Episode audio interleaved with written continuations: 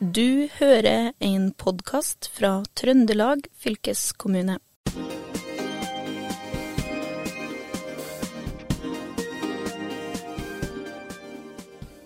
Det tar tolv minutter å kjøre E6 mellom Røra og Vist. Den gylne omvei tar åtte minutter lenger. Eller en dag, ei uke, en hel sommer, eller kanskje til og med et helt liv. Kombinasjonen av råvarer og den trønderske gjestfriheten har gjort Trøndelag som første region i Norge til European Region of Gastronomy 2022. Inderøya med Den gylne omvei er en av flere lokalsamfunn hvor det produseres lokalmat av en slik kvalitet som nå har ført til at Trøndelag har fått denne gjeve internasjonale anerkjennelsen. Men hva er det med denne trønderske bygda Inderøya, med knapt 7000 innbyggere, som har gjort at folk fra nær og fjern har strømma til Den gylne omvei de siste 24 åra? I sommer så vil vi i Fylkesborden, i samarbeid med Europeisk matregion, utforske hva Den gylne omvei og Inderøya har å by på. Programlederne i dagens avsnitt er Håvard Seiner, Ida Valsø og meg, Kjersti Bjørnevik.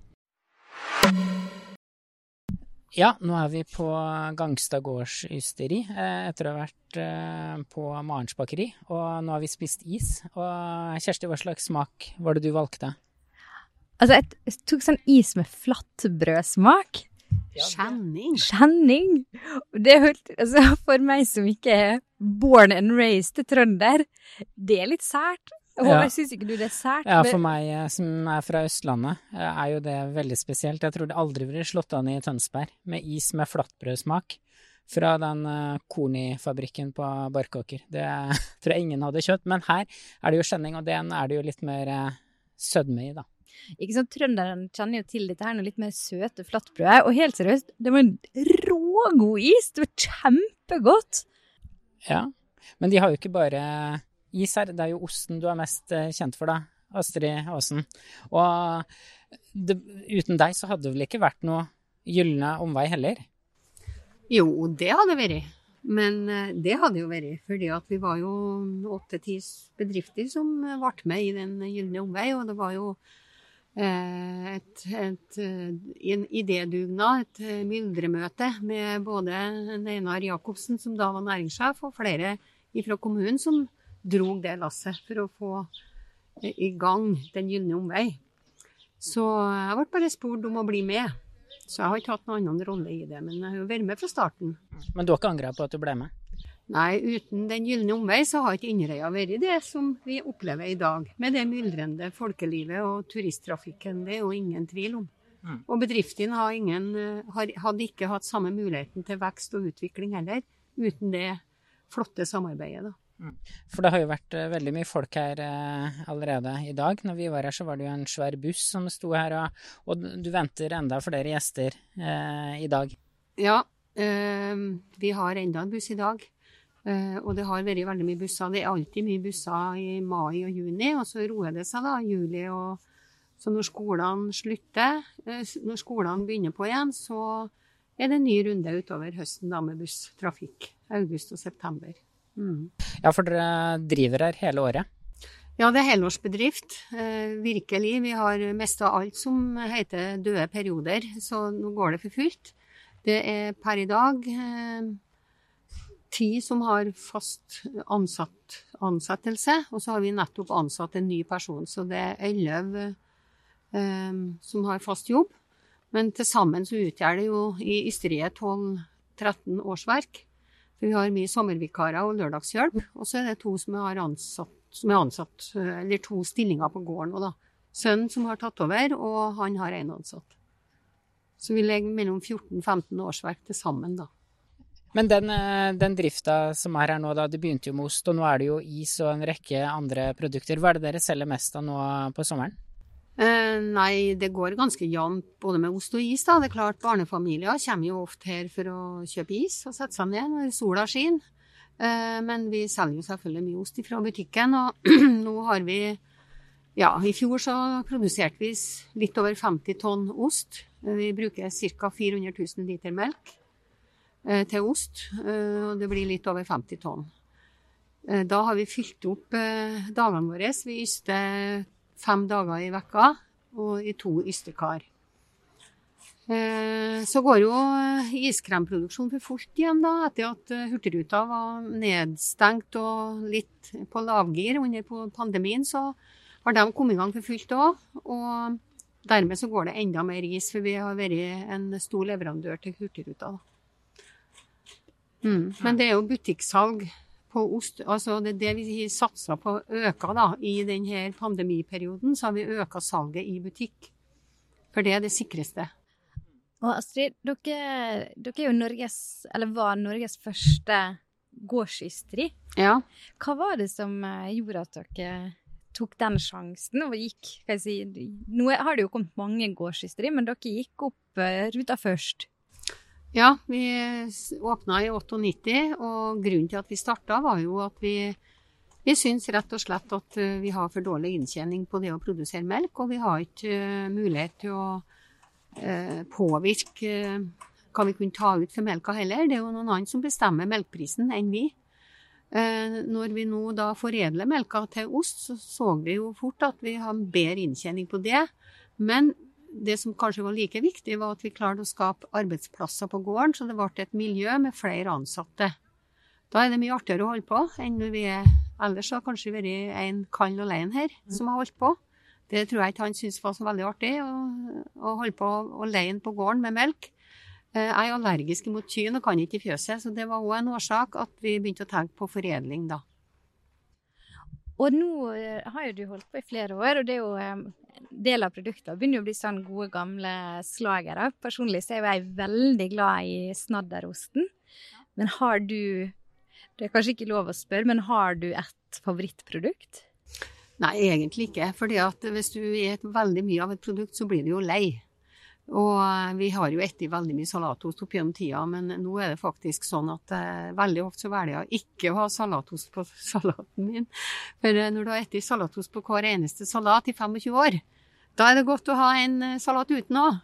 Eh, men eh, sånn er det egentlig at du må variere. Det er det som er hele poenget. Det er jo akkurat samme med issmaken. Du må variere. Og da blir det meste godt, vet du. Mm. Men jeg er litt nysgjerrig på Fordi dere har jo eh, dere er åpenbart en suksess, og det er jo veldig mange som eh, trekker frem dere som eh, veldig, veldig gode på det dere driver med. Og så har dere jo flere sånn utmerkelser. Gjennom stiftelsen Norsk Mat så har dere flere Produktene deres har dette spesialitetsmerket. Hva, hva, er det Hva er hemmeligheten for å bli så god som det dere har blitt? Nei, det handler vel bare om at en må være klar over at man må være flink på alle, alle nivå. Det nytter ikke bare å være god på å lage en ost hvis man ikke er god på det å selge en ost og det å markedsføre en ost. Og i tillegg, det aller viktigste, ta vare på de ansatte så de trives på arbeidsplassen sin, sånn at vi får folk som ønsker å være her over lang tid. Vi har jo folk som har vært her i 20 år nå. Neste år. Hanne Heimveig, som starta her for 20 år siden, er jo meget solid. Altså, det å ha ansatte som, som blir her noen år, det er veldig viktig, da. For det det. Det tar lang tid å lære opp folk som skal bli gode ystere. Hvis vi, vi bruker et år på å lære opp en god yster, og hvis de da forsvinner etter et år eller to, eh, da har vi ikke lyktes med eh, den situasjonen. Det kan jo være mange forskjellige årsaker til at noen bytter arbeid, så det er jo greit nok. Men uh, vi har vært heldige og har veldig mange som har blitt her over mange, mange år, da. Anne Granlund har jo vært leder i produksjon og er jo en bærebjelke og en veldig viktig årsak òg til at det har gått bra. Flink med ansatte. og Hun er jo hun som eh, planlegger produksjon og får det til å gli godt innenfor veggene. Mm. Jeg ser jo at dere driver og restaurerer eh, her, og det, dere bygger jo stadig ut, og det gjøres ting og tang her. Hva, hva er liksom neste store steget for eh, Gangstad gårdsysteri? Eh, Gangstad gårdsysteri håper jeg da endelig ikke skal gjøre så veldig mye steg videre nå, for nå skal vi prøve å roe ned, eh, ikke roe ned, men stabilisere. Og vi har fylt opp allerede. Det nye bygget er jo overfylt. Det er trangt. Det er allerede for lite. Men jeg tror det er viktig nå å stoppe litt, og så ikke bare vi gå videre, da. Eh, kanskje er det stort nok. Eh, det snakkes om utbygging av fjøs òg, og da blir det jo et bygg ledig her bak oss som kan brukes òg i tilknytning til ysteriet. For det vi sårt trenger, det er jo lagerplass for massevis av paller med emballasje. For det blir jo så mye emballasje som skal lagres for å få volum nok. Eh, og det trenger vi. Så hvordan det bygget bak oss blir brukt når det blir nytt fjøs, det har vi ikke tatt stilling til ennå. Men vi er nok ikke ferdig med å ta vare på bygningsmasse og tenke nytt hvordan vi skal benytte husene hen, da. Men apropos dette med å tenke nytt. Jeg har hengt meg litt opp i denne her nå kjenningost... Nei, isen. Kjenningisen. Ja. Hvem er det som kommer på å lage, lage is med flatbrødsmak, og hvor får dere flatbrødsmaken ifra? Nei, det er jo Røra bakeri som lager skjenning. Og når de pensler skjenningen med melk og sukker, så blir jo det restene av det penslinga blir jo til karamell på steiketakka. Så når dagen er om, så har dere blitt bruna, og det har de jo kasta før.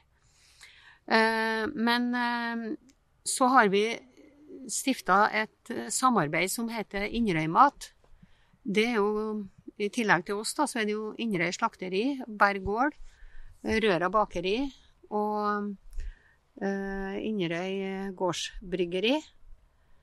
Uh, og i den settingen der så ble det jo da diskusjoner om hvordan kan vi Vi satt og kikka på er det noe vi kaster som kan bli til gull i en annen bedrift. Og sånn var det at uh, Svein Berfjord en periode da før han begynte å plukke sjøl, fikk rester av tinnvedbærer som vi hadde igjen, når vi har pressa steinene fra Når vi skulle lage is, da, så pressa vi bæra for å ta vekk steinene.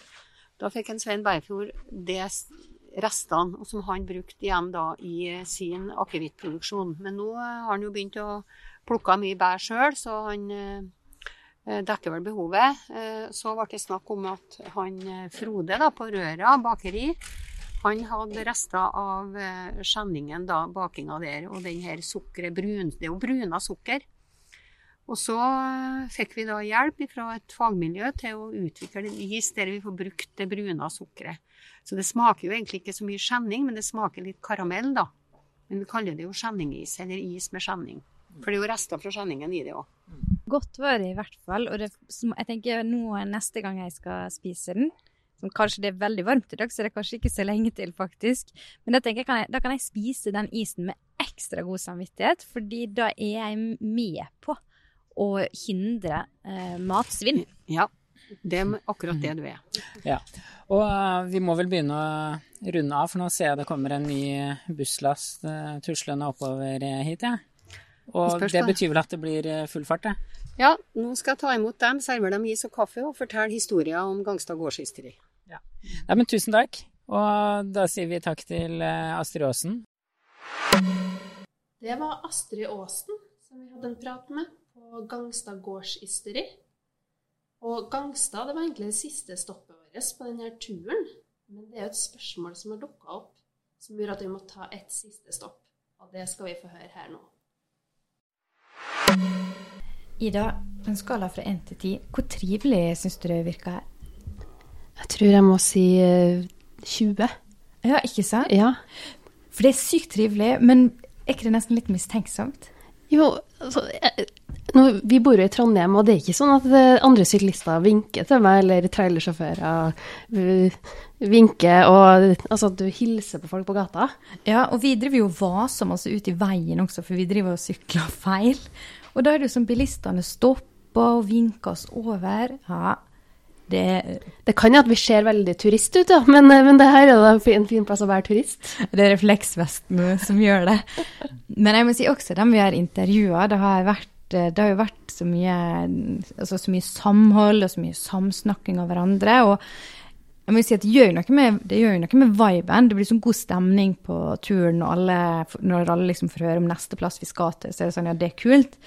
Men jeg må si nå når eh, også veldig mange name-drop, eller nevne kommuner si visjon, altså på fullt alvor, nesten som at det er et sånt uh, mantra i eget, uh, eget, liv. Så må jeg si at jeg nesten altså Først ble jeg rørt, men nå begynner, begynner jeg nesten å bli mistenksom. Så her rett og slett, nå har vi tatt turen opp igjen på kommunehuset for å drive litt sånn gravende journalistikk. Vi har fått med oss varaordfører Jonny Melting igjen. Og Jonny, hva er det som skjer her? Jeg mener, det her Er det trivelig? Eller det begynner jo nesten å få litt sånn sekt-vibes. Det er jo ikke vanlig at en kommune har en haug med innbyggere og næringsaktører som kontinuerlig refererer til kommunevisjonen. Hva har dere gjort? Nei, den har jo vært brukt veldig aktivt, da. Og den er jo lett å identifisere seg med. Du kan jo si at Den gylne omvei har jo egentlig tatt i bruk det, før at vi har det navnet klart. Det var jo snakk om å gjøre hverandre god. Det er jo egentlig inspirasjon da, fra godfotteorien til Nils Arne Eggen. Så det handler om å gjøre hverandre god. Eh, så det er, og den har jo, Nå har det satt seg, det er brukt veldig mye til å sette seg.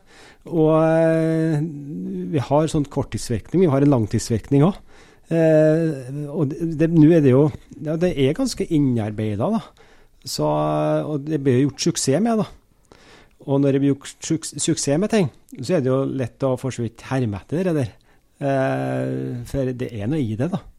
Det er faktisk noe i det at vi skal framstakke hverandre, og det gjør oss sjøl bedre, da.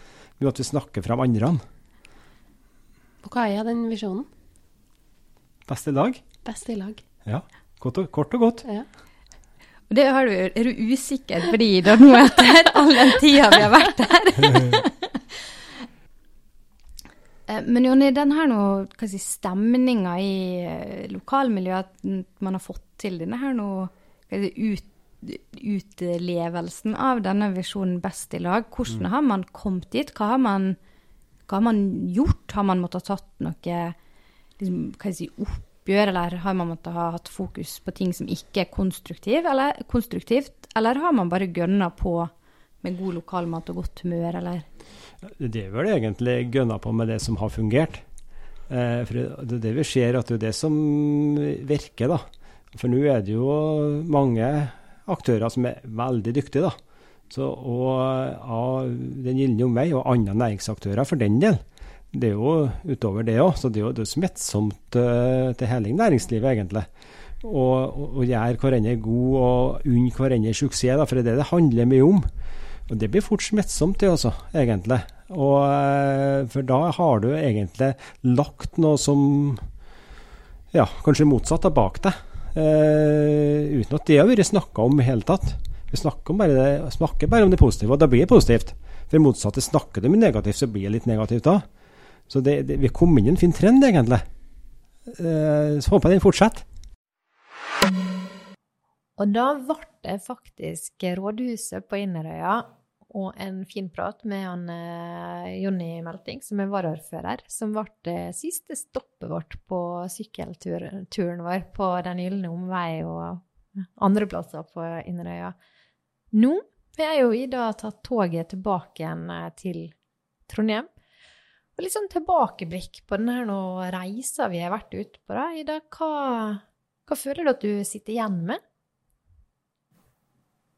Jeg kjenner jo at jeg er jo enda stoltere av å være trønder enn jeg var før jeg reiste. Eh, vi har jo nå med et par år med pandemi kanskje blitt enda mer opptatt av å se oss litt rundt i, i nærheten av der vi bor, da, og tenke er det noen fine plasser vi kan reise her. Og det, det må jeg virkelig si at uh, Den gylne omvei på Inderøya er en av turene jeg ville anbefalt å dra på på turen. Det går jo an å kjøre bil der, men det var også veldig greit å bare ta toget. Så får du sykkelen levert på stasjonen, og så er det bare å sette i gang. Det er jo fine kart, så det er ikke noe vanskelig å finne fram. Det er ikke lange avstander. Men jeg syns vi skal nevne hvor langt vi sykla totalt, for det Jeg syns uh, sju mil. Jeg syns det er bra. 70 km, som Eirik å si. Mer ut. Nemlig. Ja, det er jo noe med Altså, bæ, det her er jo kjempebærekraftig turisme. Altså, jeg skal innrømme en ting, da, Ida. Og det er at for meg som sunnmøring Jeg har vokst opp ganske nært uh, Geiranger. Så det er veldig mye med Trøndelag, eller det jeg tenker når folk sier liksom sånn lokalturisme i Trøndelag, og ute i naturen og sånn, så tenker jeg kanskje at nei, I don't know.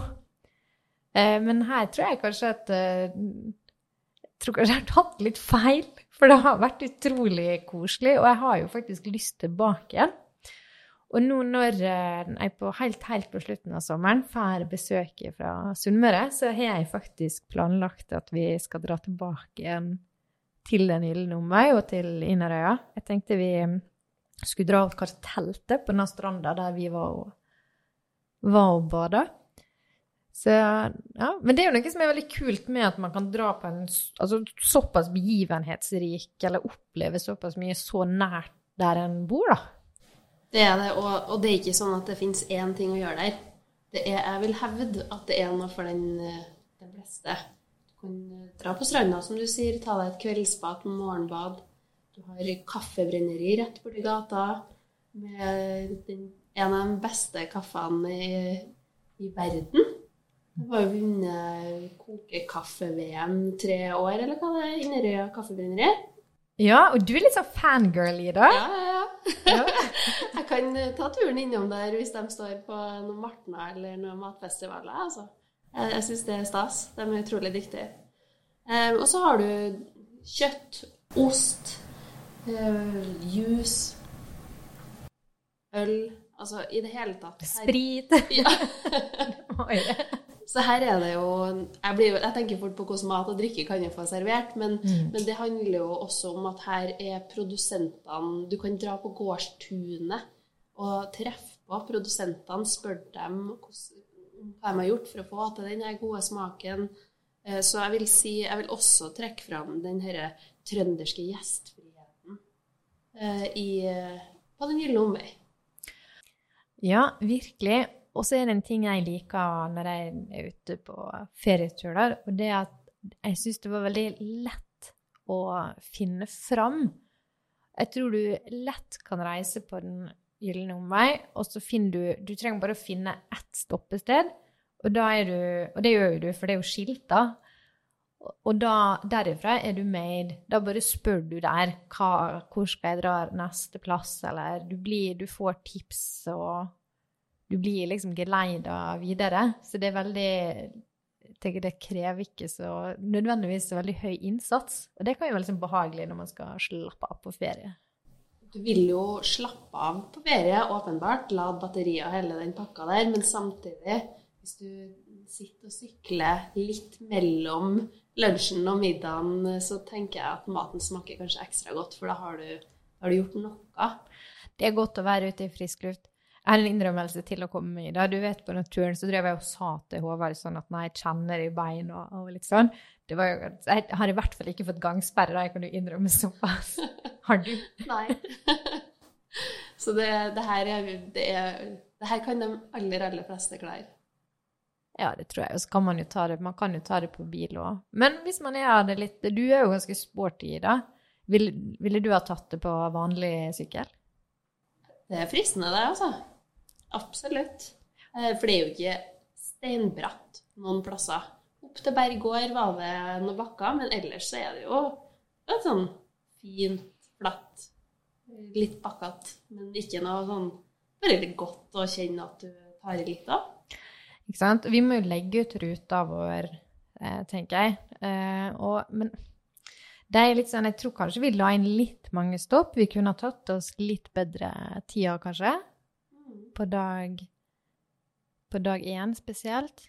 Men det er jo klart, ta, man kan jo bare ta det litt sånn som det kommer. Vi hadde jo avtaler med folk, så vi måtte jo. Men når du er der og loffer rundt, så trenger du ikke å gjøre det egentlig, da. Det kan være greit å vite, for hvis det er noen lyttere som tenker å dra på samme turen som oss, ville ha lagt inn litt ekstra tid. Eller vært åpen for å kanskje ikke vinne overalt. Ja.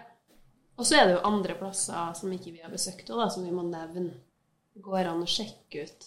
Eh, ta enten ja, Den lille omvei har nå mye informasjon liggende, eller Visit Innherred. Så går det an å få tips til flere plasser det går an å besøke. Hvis man er interessert i kunstgalleri, kan det være, og forskjellige andre ting. Ikke sant? Eh, vi kommer jo mye inn på disse her lokalmatprodusentene, og det er jo ja, fordi det er jo mye lokalmat der. Eh, men så er jo det også fordi at Trøndelag er europeisk matregion i år, og det er jo noe du har jobba mye med, Ida. Eh, og for så vidt, vi har jo laga noen episoder på det i Fylkespodden tidligere òg. Men når man hører europeisk matregion, eller det, det blir jo ofte blir sagt på engelsk sånn European Region of Gastronomy, høres veldig fancy ut, veldig sånn Michelin-stjernete ut.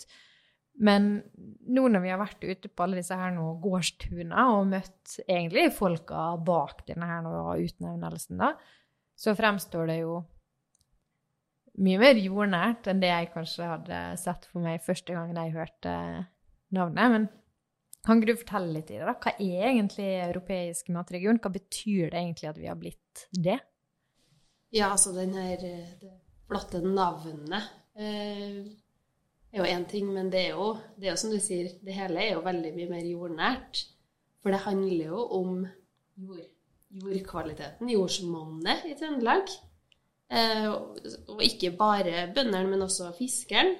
Så vi har på en måte dem, vi har så utrolig gode råvarer fra eh, både fra fjord og fra jord og fjellet. Altså vi har, vi har et vidt spekter, og vi har et variert landskap, da. Så det er jo én ting. Og så har vi også utrolig dyktige produsenter. Og kokker. Og eh, så har vi jo selvfølgelig de her stjernerestaurantene i Trondheim. Men i tillegg så har vi hele den som jeg var inne på i stad, det her med den trønderske gjestfriheten. Altså at, at, det er mer et større fokus nå på historier knytta til maten, hvor den kommer fra, hvordan den er laga, og, og det, den opplevelsen de som spiser og drikker eh, lokale trønderske produkter, kan eh, få med i en hel pakke. da. Ja, ikke sant. Og det er Jeg har blitt så svak for det, altså. Nå, jeg har jo alltid vært eh, egentlig alltid vært glad i mat. Men dette noe med å høre historier til produktet, altså hvor det kommer ifra, og, ja, og også det å få stå på gården og, og, egentlig spise isen mens jeg ser kyrne vandre ute på jorda, det syns jeg er utrolig kult. Det kan hende det er noe sånn som kommer etter når man runder 30. Men um, likevel, altså, jeg syns det er stilig. Og nå når uh, som jeg sa da, nå når jeg får besøk fra Sunnmøre, så har jeg lyst til å eh, lyst til å vise fram eh, litt dette med at vi har blitt europeisk matregion. Eh, og da vet jeg at det er Dere har jo mye sånn ulike events og greier. Noe koster penger, men noe er også gratis. Hva, hvor finner jeg info, info om dette nå, da, Ida? Da har vi en nettside som heter for europeiskmatregion.no. Det går an å gå inn der. Uh, og der er det forskjellig Det er mye informasjon, men uh, det er en, et menypunkt som heter arrangement. Og der eh, ligger veldig, veldig mange matrelaterte eh, arrangement ut. Så, og det er fra hele Trøndelag. Så er du eh, Har du lyst til å Om det er en martna eller et marked eller en restaurant Vi, vi har litt sånne unike matopplevelser vi arrangerer, der du kan spise eh, langbord sammen med andre i um, unike steder der du kanskje ikke ville ha spist. Vi var jo på en togreise og spiste mat her, uh, trøndersk mat, i februar. Uh, og vi, så det er stadig et eller annet nytt som dukker opp. Det er vel en 50 arrangementer til enhver tid som ligger på nettsida der. Og, og, nå fikk jeg det jeg syns er en kjempegod idé. Kanskje litt selvforherligende siden jeg er med i den podkasten her sjøl, men jeg tenker disse her noen som kommer på besøk til meg, jeg kan jo sende dem pod, disse her podkastepisodene på forhånd. Og også den fra sånn kulinarisk togreise, som vi var jo med og podda fra. Den togturen der man spiste seg gjennom Trøndelag. Og kan sende det til dem på forhånd, sånn at de på en måte ja, men får eh, jobba seg opp en appetitt. Veldig bra. Ja, det er ikke for hovent, det? å være sånn, nei. Du, jeg syns ikke, ikke, trøndere er hovne i det hele tatt, jeg. Nei, det syns ikke jeg. Det synes jeg nesten et, noen ganger er det nesten et problem, vet du. Man er så ydmyk. Så treg og jovial. Ja, Men det kan hende det er nettopp pga. det en ender opp med å få sånne utrolig trivelige plasser som Inderøya, da. Ja, ja, og det, vi er litt ferdige med å være det, tenker jeg. Nå, eh, nå skal vi bare være stolt av, den, eh, av at vi faktisk er en europeisk matregion, som første region i Norge. Og, så, og alle de utrolig flinke folkene som eh, jobber med mat og drikke, altså om det er råvarer eller produksjon, altså fra hele veien, da. Fra fjord og jord til bord. Det er utrolig mye dyktige folk. Jeg er enig. Vær stolt av det man har fått til, og fortsette å spille hverandre god. For vi er jo best i lag. Best i lag. Nå er reisa vår ved eh, veiens ende.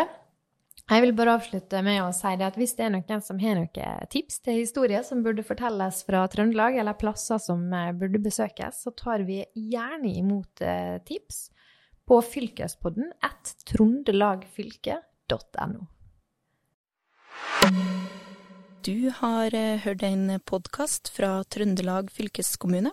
Hør flere episoder på Spotify eller trondelagfylke.no.